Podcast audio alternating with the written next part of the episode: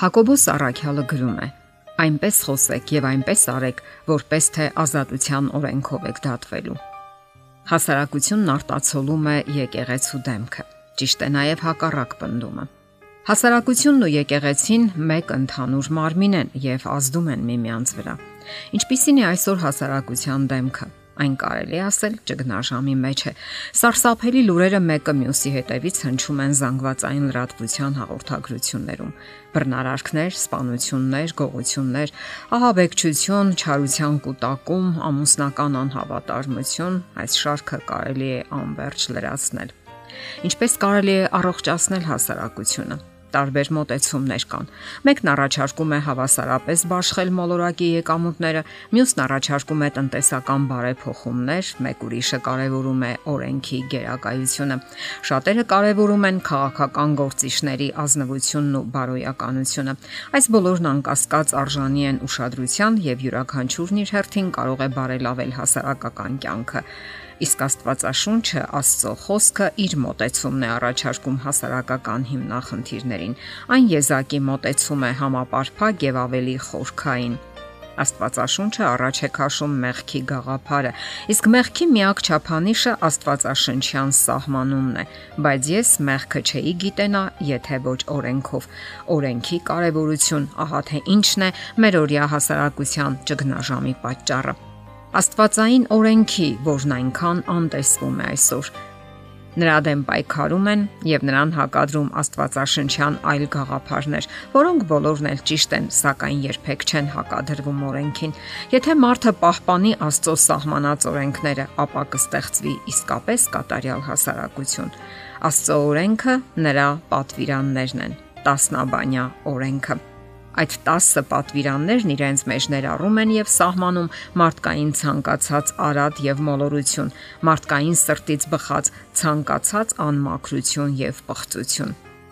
Մի սպանիր, այսպես է ասում Աստծո օրենքը իսկ մարդիկ շարունակում են սպանել, ոչնչացնում են միմյանց հանուն փողի, հանուն հարստության, հանուն գաղափարի, հանուն իշխանության եւ դիրքի։ Սպանության պատվիրանն իր մեջ ներառում է նաև դիմացինին հոգեբանորեն սպանելու, խեղելու, նվաստացնելու եւ այնպիսի վիճակի հասցնելու երևույթը, երբ մարդը անհուսալի վիճակի մեջ է հայտնվում, նյարդային ցնցումներ է ստանում եւ հիասթափվում է կյանքից։ Եկեք չմոռանանք նաև սպանության մեկ այլ նուրբ ձևը՝ անցանկալի հղիության ընդհատումը։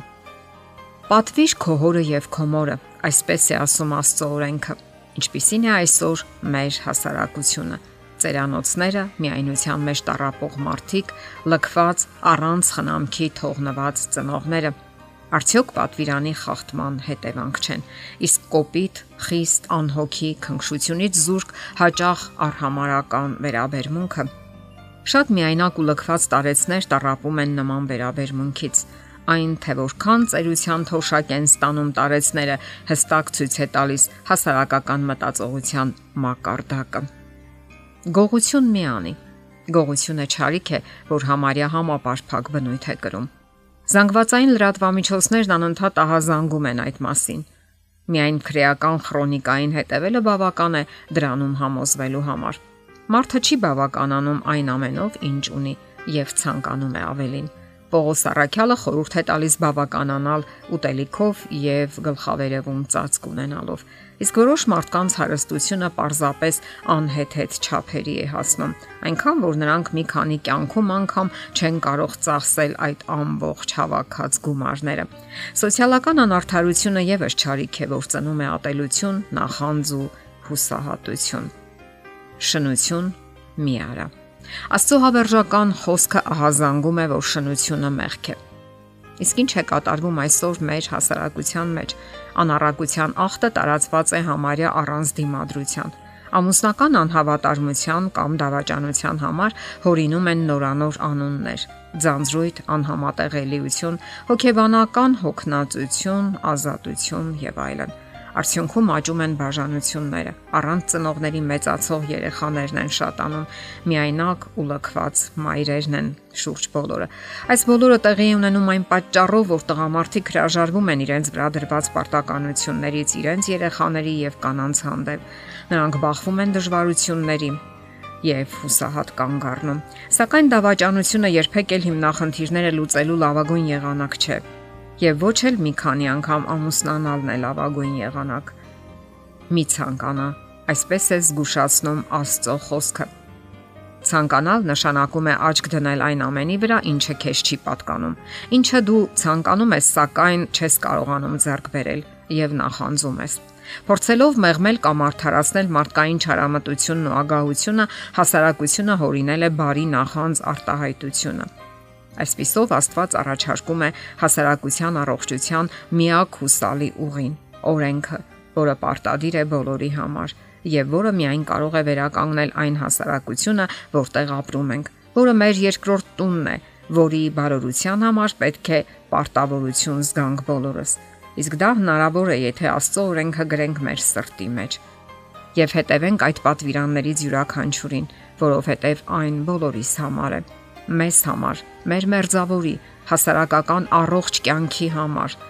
Եկեք չանտեսենք այն եւ նորովի ընկալենք յուրաքանչյուր հրահանգն ու նրբերանգը եւ Աստվածային օրհնությունը երբեք չի ուշանա առողջացնելով մեր հասարակության դեմքը։ Եթերում ղողանջ հավերժության հաղորդաշարներ։ Ձեզ հետ է Գեղեցիկ Մարտիրոսյանը։ Հարցերի եւ առաջարկությունների համար զանգահարել 033 87 87 87 հեռախոսահամարով։